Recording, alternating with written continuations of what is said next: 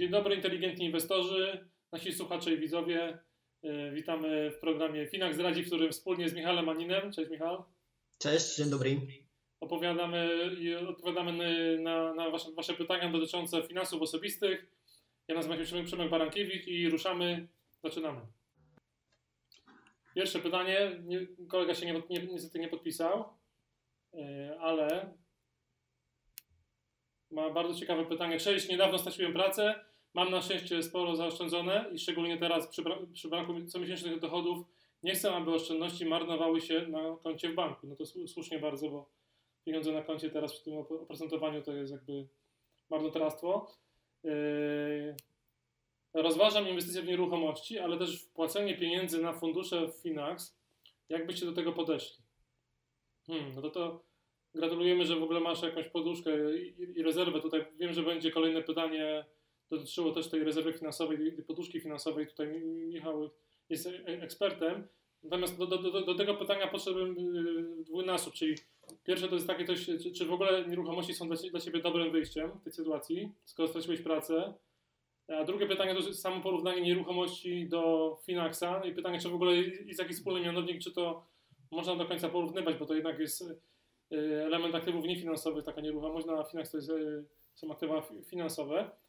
No to powiedzmy to pierwsze pytanie, ja bym się trochę bał y, w, sytuacji braku pracy mm, kupować nieruchomości, które są bardzo, wiecie, no, bardzo nie, niepłynnym aktywem, a potem byś nagle potrzebował pieniędzy, bo twoja sytuacja się, się nie, nie, poprawi, a jesteśmy chyba w takiej sytuacji teraz na, na rynku, jeśli chodzi o gospodarkę i rynek pracy, że nie wiadomo co będzie za kilka miesięcy, no że jednak mrożenie kapitału w nieruchomościach.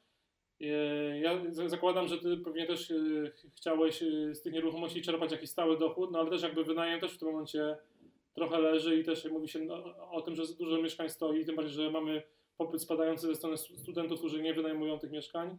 Trochę spadł popyt też ze strony Ukraińców, którzy byli tradycyjnym takim odbiorcą i najemcą mieszkań, no więc jakby może być tak, że będziesz musiał, kupisz, kupujesz nieruchomość wiele miesięcy, Potem zanim ją wynajmiesz, to też kilka miesięcy, więc jest to du du duże ryzyko moim zdaniem. Co ty myślisz, Michał? Czy to jest jakby nieruchomość jest w tym momencie dla takiego pana, który nie ma pracy, ale ma poduszkę, to jest do, dobre wyjście? Mm, no tak jak mówisz, że ta płynność jest teraz chyba najważniejsza. Mm, jeśli nawet udałoby się kupić temu panu mm, jakąś nieruchomość za lepszą cenę niż, niż normalna na rynku. Mm, no ciągle po prostu może mieć problemy e, z wynajemciem albo z tym po prostu, żeby otrzymywał jakiś cash flow, czyli jakieś pieniądze z tego. No i potem do przyszłości, no tak samo, że może być trochę problem z tym, jeśli będzie potrzebować szybko pieniądze, żeby szybko sprzedać tą nieruchomość, czyli ta likwidita jest no, w miarę niska. Może to trwać mm, długo i sprzedać tą nieruchomość, albo po prostu mm, ten pan będzie musieć po prostu zrezygnować z tej ceny, którą sobie wyobraża i będzie musieć zaoferować trochę niższą cenę. Mm, no tutaj ta poduszka to jest super, że jest wybudowana i teraz, teraz jest ten czas, kiedy po prostu z niej można korzystać, jeśli teda Pan stracił pracę. No i bez jakichś, nie wiem, stresów sobie poszukać taką pracę, którą mm, by chciał robić, albo która mm, jest taka, którą sobie wyobraża, plus może też wynagrodzenie jest takie, które sobie wyobraża, więc ta poduszka powinna teraz dać taki, no, taką tą poduszkę stresową, albo antystresową też dla tego pana. A w tym odcinku jeszcze wrócimy do tego właśnie, jak tam poduszkę zbudować, to tak. z Finaxem czy bez Finaxa.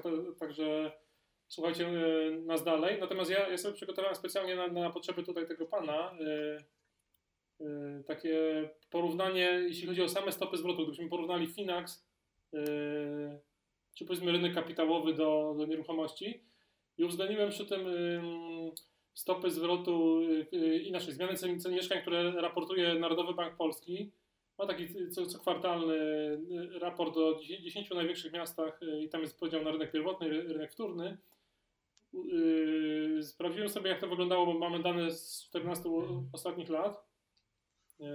I wziąłem 10 największych polskich miast na rynku wtórnym, ceny za metr kwadratowy oczywiście i stopy zwrotu przeciętne w tym okresie. I teraz yy, spójrzcie, to jest około, ten ostatni rok był bardzo dobry, plus 11%. Średnia trzyletnia to jest też około 11% corocznie, bo tyle ceny, cena metra kwadratowego rośnie.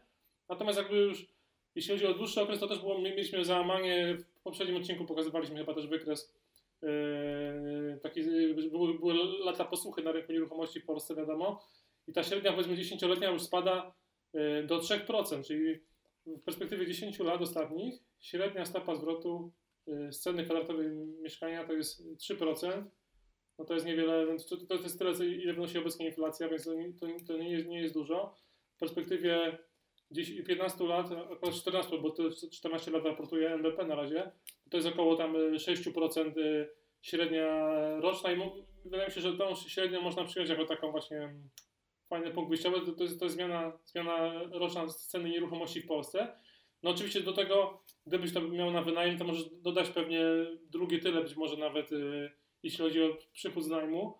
No więc faktycznie wychodzi tam y, dwucyfrowy ten, ten, ten zysk, tylko pamiętajmy tak o kosztach transakcyjnych, y, czyli jakby zakup nieruchomości jednak się wiąże i, i, z, z, prowizją dla pośrednika i z jakimiś y, notarialnymi kwestiami, więc to jest, to jest jedna rzecz.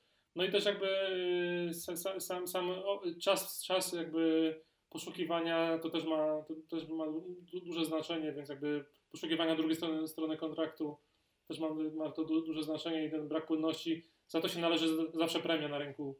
Yy, jeśli coś jest mało płynne, to powinno być wyżej, yy, znaczy mieć, mieć, mieć, wyższą stopę zwrotu, więc jakby zwróćmy na to uwagę przy porównywaniu tych długich inwestycji. Jeżeli już faktycznie chcecie porównywać, to powiedzmy w długim, długim horyzoncie okazuje się, że te nieruchomości w Polsce to mniej więcej dają taką stopę zwrotu jak portfel Finaxa z 50% udziałem akcji i 50% udziałem obligacji, yy, czyli taki średnio jakby, średnio ryzykowny. Ale tu masz coś w ręku, masz jakiś potencjał na, na nowy przychód, no tu masz taki płynny środek, który możesz się w każdym tygodniu wycofać, więc jakby decyzja należy do ciebie, ale jeśli masz taką sytuację, że nie masz pracy, to, mm, to lepiej coś płynnego, na pewno jakieś aktywa finansowe, ale nie bank, bo zawsze zniechęcamy do tego, żeby trzymać pieniądze w skarpecie, bo to teraz bank to jest teraz skarpeta. Tak. Dobra. E... No jeszcze również są ratey, więc tam też po prostu człowiek sobie może kupić jakiś ETF na rate, czyli real investment, uh, no i też będzie mieć bardzo płynny, uh, płynny produkt finansowy i w tym samym czasie będzie mieć po prostu um, tutaj inwestycje do nieruchomości. To jest w tym pro, programie Finax Elite, prawda? Gdzie, gdzie tam trzeba mieć określony kapitał mm -hmm. i wtedy Tak, tak, się... tak jest, że no jeśli ktoś już naprawdę, że chce mieć bardzo fajnie zdywersyfikowaną swoją inwestycję, więc inwestuje do akcji, obligacji, no to na przykład u nas w ramach Finax Elite, czyli program, z którym zaczynamy od e, początku nowego roku, jest możliwość mm, sobie dobrać do portfela albo sobie złożyć portfel ze 30 różnych ETF-ów i no, jednym z tych ETF-ów jest e, również ETF na rating, więc tak to będzie wyglądać. Dobra, pytanie drugie. E, tym razem e, pani Marta się podpisała. Pani Marta jest Tarnowa, ma 59 lat, ma jedną osobę na utrzymaniu, zero długów, brawo, 7 tysięcy złotych zarobków, 3,5 tysiąca złotych wydatków, więc jakby też co miesiąc może faktycznie sporo pieniędzy odłożyć i zbudowała poduszkę finansową w wysokości 45 tysięcy złotych. Mm, gratulujemy Pani Marto. I pytanie y, od Pani Marty jest takie. Y, widzę, że Pani Marta jest fanką giełdy amerykańskiej Wall Street. Przy jakich spadkach S&P wpłacać dodatkowe pieniądze na konto Finax? No i tak właśnie y, klasycznie jaka jest filozofia Finaxa? Że my staramy się nie, nie przewidywać w jakim kierunku pójdzie rynek, no bo to z reguły, mm, jak sami wiecie, jak nieraz pokazujemy, niewielu zarządzających się udaje i prawdopodobieństwo wzrostu jest z reguły takie jak, e, jak, jak spadku. Tylko my się staramy być cały czas na rynku i jakby gdybyśmy teraz patrzyli na, na ostatnie lata, to, to co roku pewnie ktoś tam e, mówił, że są akcje na Wall Street przewartościowane, te wskaźniki te, i, te, i tak dalej bardzo, bardzo wysokie. I one faktycznie historycznie są wysokie, ale też jakby weźmy pod uwagę to, że stopy procentowe nigdy nie były takie, takie niskie, więc to, a to ma znaczenie, czyli ten wskaźnik cena zysk trzeba go uwzględniać w kontekście też stóp procentowych na rynku. E, no i też my nie staramy się jakby, gdybyśmy nagle powiedzieli pani, pani Marto, że e, warto wejść w tym momencie w rynek albo warto z niego wyjść, no to zaczęlibyśmy grać taką grę aktywnie zarządzanie e, inwestycjami, a my, my staramy się naśladować rynek, czyli uwzględniamy też to, że no, okresowo może ten rynek spadać. Ale historia pokazuje, że jednak rynki częściej rosną niż spadają, to jest to, powiedzmy 70% do, do 30%, no i y, warto być na tym rynku cały czas, żeby, żeby czerpać z niego cały czas, a nie, nie, nie próbować walczyć y, z tak zwanym timingiem i starać się przewidzieć, kiedy będą dołki, a kiedy będą, będą szczyty. I tak w sumie robią też najwięksi, to mam, ci, którzy nas, nas oglądają, mogą zobaczyć wykres powiedzmy na tle Warrena Buffetta, wykres historyczny giełdy amerykańskiej, gdzie widać, że te okresy wzrostu są dużo dłuższe, spadków są dużo krótsze. Przy takim portfelu jak ma Finax, na przykład, który jest bardzo zbalansowany, to, to, to też okres odrabiania tych strat, ewentualnie jeśli pani Marta trafi w taki moment, że będą faktycznie wyprzedaże na rynku, no to też ten okres odrabiania strat jest, y, jest stosunkowo y, krótszy, niż jakby pani miała portfel agresywny w 100% złożony z akcji. Więc jakby my się staramy nie, nie mówić, nie prognozować, tylko starać się pokrywać to, co, co się dzieje na, na, rynku, tak? Tutaj jeszcze jest taki jeden slajd, yy, Misza, jakbyś mógł prze, przewinąć. Yy, właśnie, yy, powody do tego, by sprzedawać i tych powodów w ostatnich latach było masę, tak? Począwszy od, od Brexitu, od yy, Donalda Trumpa na fotel prezydenta, od różnych yy, ataków terrorystycznych i tak załamania strefy euro, a mimo to indeksy cały czas rosną, mimo tych powodów do, do sprzedaży, więc też yy, wiadomo, że media bardzo chętnie cytują różnych takich profetów, yy, doktorów yy, zagłady, kasandryczne, różne wieści są bardzo, bardzo modne. Natomiast yy, ci, którzy robią to, cierpliwie, cierpliwie gromadzą bogactwo i inwestują yy, na rynkach kapitałowych, no, w długim terminie nie mają powodów do, do, do narzekania. Więc jak pani trafi na, nawet na jakiś okres spadku, to też w perspektywie kilku lat, jeśli, bo my tylko do takich zachęcamy inwestycji długoterminowych, to na pewno Pani to, to odrobi.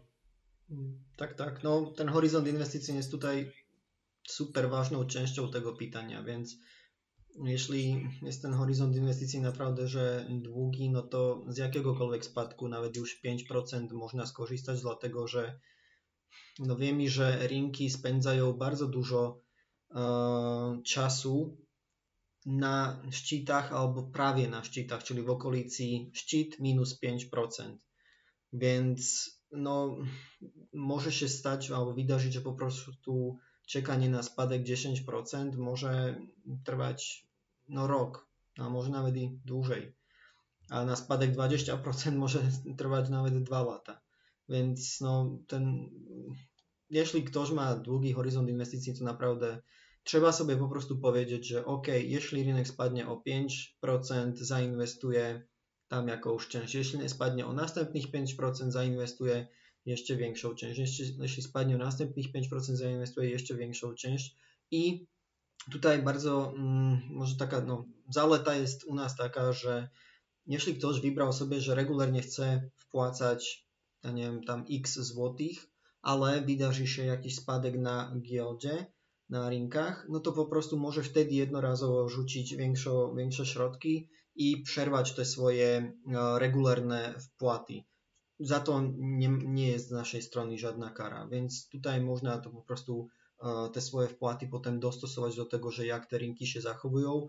No ale warto powiedzieć, że już tutaj musi trochę ten inwestor być aktywny, aktywny w tym sensie, że musi śledzić trochę te rynki, żeby no, widział, że jak zachowują się i żeby ten poprawny moment po prostu zdążył wtedy zainwestować, więc no, już trochę, trochę mm, czasochłonna jest taka inwestycja. Dokładnie. E, mamy kolejne pytanie, tym, tym razem pytanie od pana, e, od pana Daniela. Pan Daniel ma 33 lata, ma kredyt hipoteczny, uzbierał już 40 tysięcy złotych poduszki finansowej, zarabia 4000 zł, wydaje 2000 zł i ma dwie osoby na utrzymaniu. Ja to w ogóle wyrazy uznania Danielu za to, że masz takie skromne wydatki. Nie wiem, nie wiem jak to robisz. E, no, gratulujemy tutaj. Myślę, że zgodzisz się chyba, że to jest ten 2000 na mm. miesiąc to przy, takim, przy takiej rodzinie to trudno tak. Tak, tak, przy rodzinie trudno. No, ja mieszkam z żoną, czyli w dwójce jesteśmy i no, no mamy trochę większe wydatki, ale tak w ostatnim czasie, kiedy tak sobie myślałem wczoraj, wczoraj, że za ten ostatni rok, od kiedy jest e, ten korona kryzys, zamknięte sklepy, siłownie, wszystko możliwe, tak człowiek naprawdę ani nie ma możliwości wydawać pieniądze. Ja mam, mam to samo, wiesz, paliwanie, paliwanie praktycznie tak, nie, tak. nie wydaje. Yy, też się nie wychodzi na kawę do restauracji. Yy, mm. Ubrania są właściwie niepotrzebne nowe, więc jakby mm. faktycznie coś, coś w tym jest, nie? Tylko trochę więcej się wydaje chyba na, nie wiem, jakiś Netflix albo yy, sprzęt taki RTV AGD, żeby mieć coś yy, do zrobienia, ale, ale faktycznie coś, coś, coś w tym jest. No i nie ma tych wakacji, nie ma gdzie pojechać nawet na wakacje. Mm, tak, no to jest też ważne. No dobra, ale pan Daniel ma trochę inny problem, bo pan Daniel nas pyta, Yy, potrzebuje poduszki finansowej, bo przez rok miał ciężką pracę, oszczędzał, edukował się i mimo to dalej trzyma pieniądze w gotówce, te, które uzbierał, bo się boi. To jest jakby naturalne, że ludzie się boją, bo jakby też jakby, jak, jak czegoś nie znają, to się boją.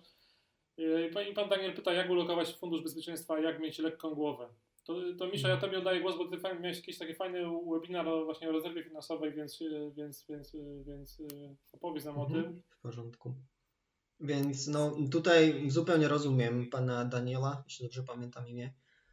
Um, no ja mam prawie tak samo, że po prostu sobie przesyłam na jedno konto, które jest poduszka finansowa i to są pieniądze, które, no, na które musiałem pracować.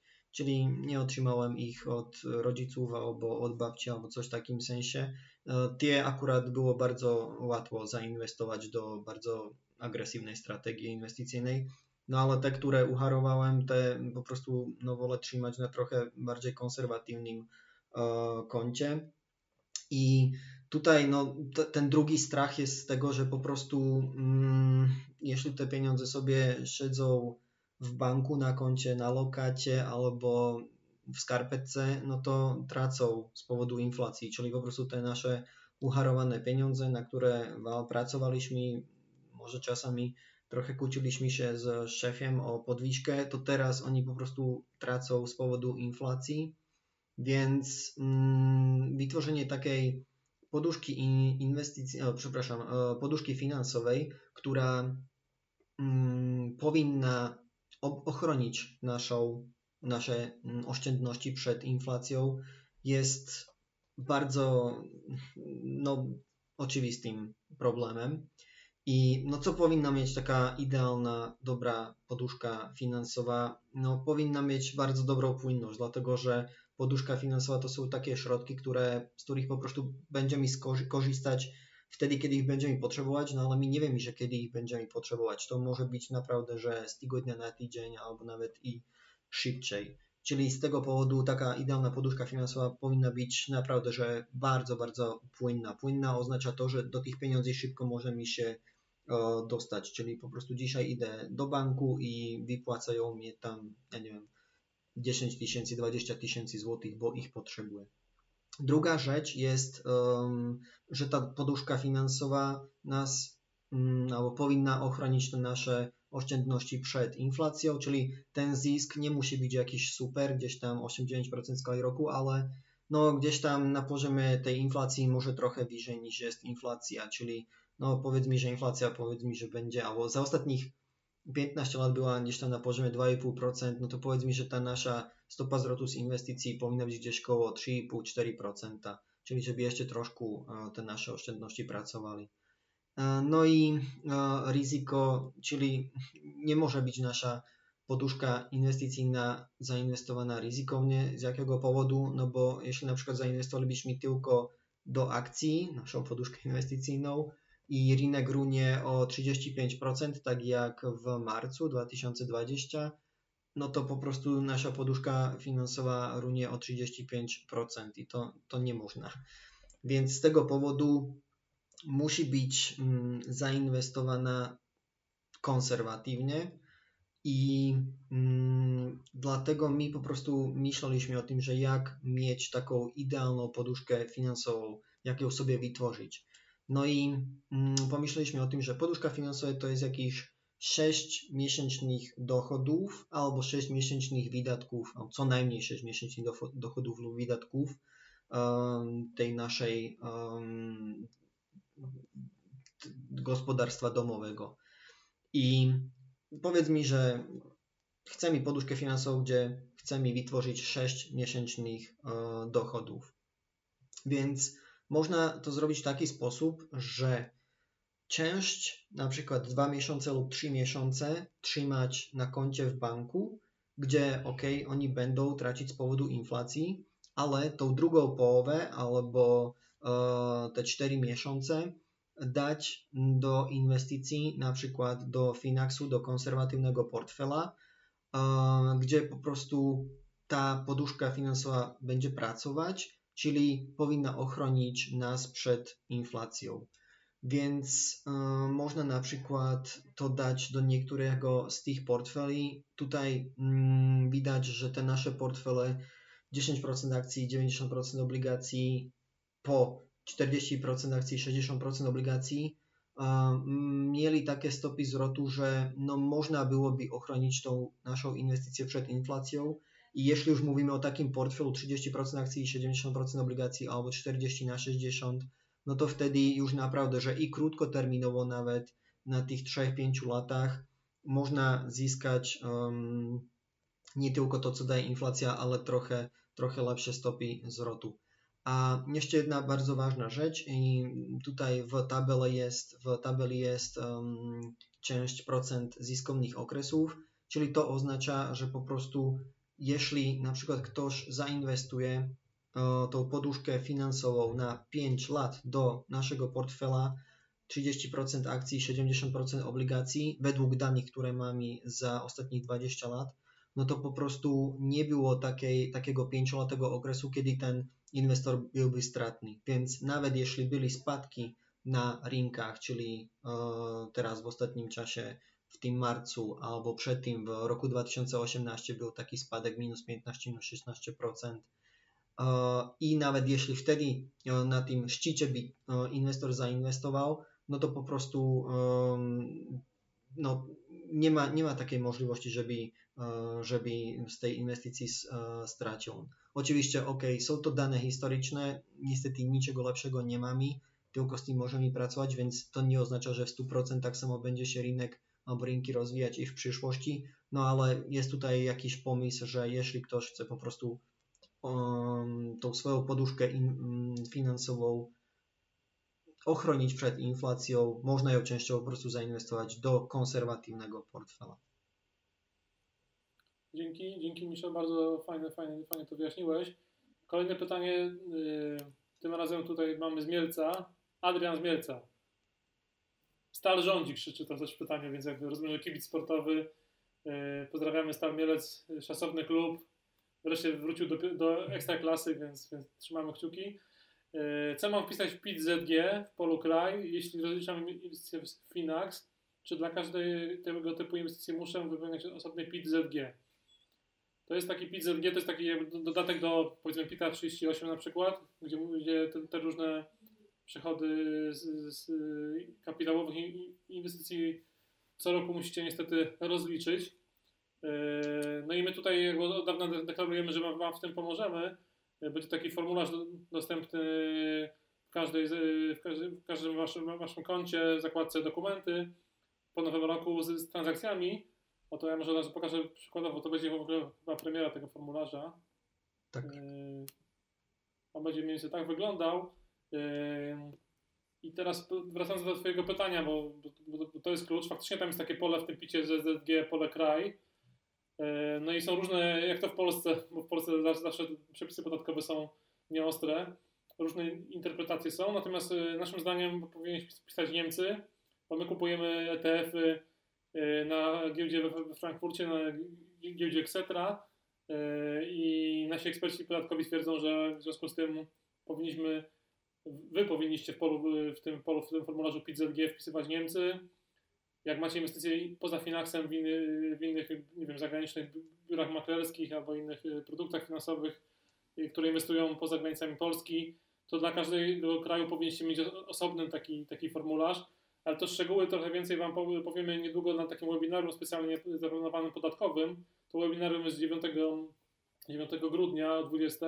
Zachęcam, a ci, którzy zobaczą ten, ten, ten, ten, ten, ten Finax zdradzi odcinek już po fakcie albo go o nim usłyszą, to będzie oczywiście relacja z tego webinarium na, na naszym blogu, na, na stronie Finax, ale też, też również będzie specjalny tekst, który powstanie, który Wam pomoże też te formularze podatkowe e, wypełnić, więc jakby mm, będziemy się starali pomóc. Czekamy też na Wasze pytania, jeśli chodzi o właśnie te podatki, nawet nie tylko finansowe, ale też w ogóle jak sobie z nimi poradzić, e, nie tylko podatek belki, ale podatek od dywidend, czy w ogóle generalnie podatki, bo skoro mówimy, że Finax Zdradzi jest takim programem o finansach osobistych, więc podatki są tego bardzo ważną częścią, więc jakby Zostańcie z nami, śledźcie nasz blog, y, bo będą szczegółowe odpowiedzi. I kolejne pytanie, tym razem anonim. O, czy za ujemne wyniki też pobieracie prowizję? No, mamy stałe koszty, więc podejrzewam, że, że, że jak, jak, każda tego typu instytucja, no, musimy, musimy po, po, pobierać, ale nasza opłata jest stała, yy, niezależnie od tego, ile zarobicie z Finaxem, więc jakby nie ma żadnego tak zwanego success fee za to, że mamy, że jakby super wyniki. No i też pytanie, jeśli sobie porównamy tą naszą opłatę, czyli ile procent plus VAT, tak, do tego, co jest obecnie na rynku, no to sami widzicie, że Polska jest, jest bardzo takim, to już wielokrotnie chyba mówiliśmy o tym, jest całkiem drogim, drogim rynkiem, w sumie naj, najdroższym w Unii Europejskiej, jeśli chodzi właśnie o, o fundusze inwestycyjnej i gdyby nie regulator, to, to pewnie byłoby to powyżej tych maksymalnych 3%, które są obecnie ustawowo zagwarantowane opłaty za zarządzanie. Yy, u nas jest ta opłata jakby stała, wynosi 1,2% już po uwolnieniu podatku VAT, więc jest to do funduszy polskich aktywnie zarządzany bardzo, bardzo oferta bardzo konkurencyjna. No i co, przynajmniej też wiecie, że za co konkretnie płacicie, nie ma tam jakichś ukrytych opłat, e, więc my obiecujemy, że będziemy pobierać te opłaty, bo, bo, bo to jest fair i jakby mm, to nie są, nie są duże, duże koszty, a, a też wiemy, że im będziemy mieli więcej aktywów, tym też jakby nasz potencjał do tego, żeby ten, ten, tę opłatę obniżać, bo ona jest właściwie obniżana też od kilku lat, przecież kiedyś była wyższa, Yy, też jak macie trochę wyższy kapitał, to też jest ten program, o którym tu Michał wspominał, Finax Elite, gdzie, gdzie to, ta opłata jest, jest jeszcze niższa, ona chyba wynosi 0,85%, prawda Michał? Tak, dokładnie, 0,85 plus VAT. I od jakiego poziomu to jest yy, portfela? Mhm. E, tutaj no, warto powiedzieć, że jest to od e, poziomu 100 tysięcy euro lub równowartość złotych, więc wtedy się klient zakwalifikuje na E, możliwość niższych opłat oraz za możliwość, e, na możliwość e, indywidualnie zarządzanego albo wybranego portfela. Może jeszcze jedna rzecz do tych opłat, bo mm, po prostu mi pobieramy albo liczy mi tą opłatę za zarządzanie codziennie jako 0,012 razy kwota na koncie w aktualny dzień podzielone przez 365 dni, więc um, ono ta opłata jest dostosowana, dostosowana do tego, że jak rozwija się rynek oraz również do tego, że mm, jak po prostu klient e, wpłaca swoje wpłaty, więc jeśli ktoś regularnie wpłaca 100 zł, no to mi nie pobierze mi tej opłaty raz na końcu roku pauszalnie 1,2% od 1200 zł, ale po prostu codziennie się pobiera. Najpierw pierwszy miesiąc tylko ta opłata od 100 zł, przez drugi miesiąc od mm, kwoty 200 zł, plus ewentualnego zysku albo straty na koncie, czyli no, tak jak mówię, że jest to po prostu fair w taki sposób, że ci klienci, którzy inwestują regularnie i to jest oczywiście większość klientów, nie uiszczają tam jednorazowo na końcu roku opłatę za swoich, całe swoje wpłaty za cały rok. Dzięki Michał, dziękuję Państwu za uwagę. E, czekamy ciągle na, na Wasze pytania. E, w formularzu specjalnym na stronie finax.pl w zakładce blogi jest taki formularz, ale też w naszych kanałach społecznościowych, na YouTubie, Facebooku, Twitterze, LinkedInie. Wszędzie bardzo szybko albo odpowiadamy, albo poświęcimy Wam y, chwilę w tym programie Finax Zdradzi, więc śmiało piszcie, dzielcie się z nami, no i dobrego inwestowania. Dziękuję mi. Do zobaczenia, do usłyszenia.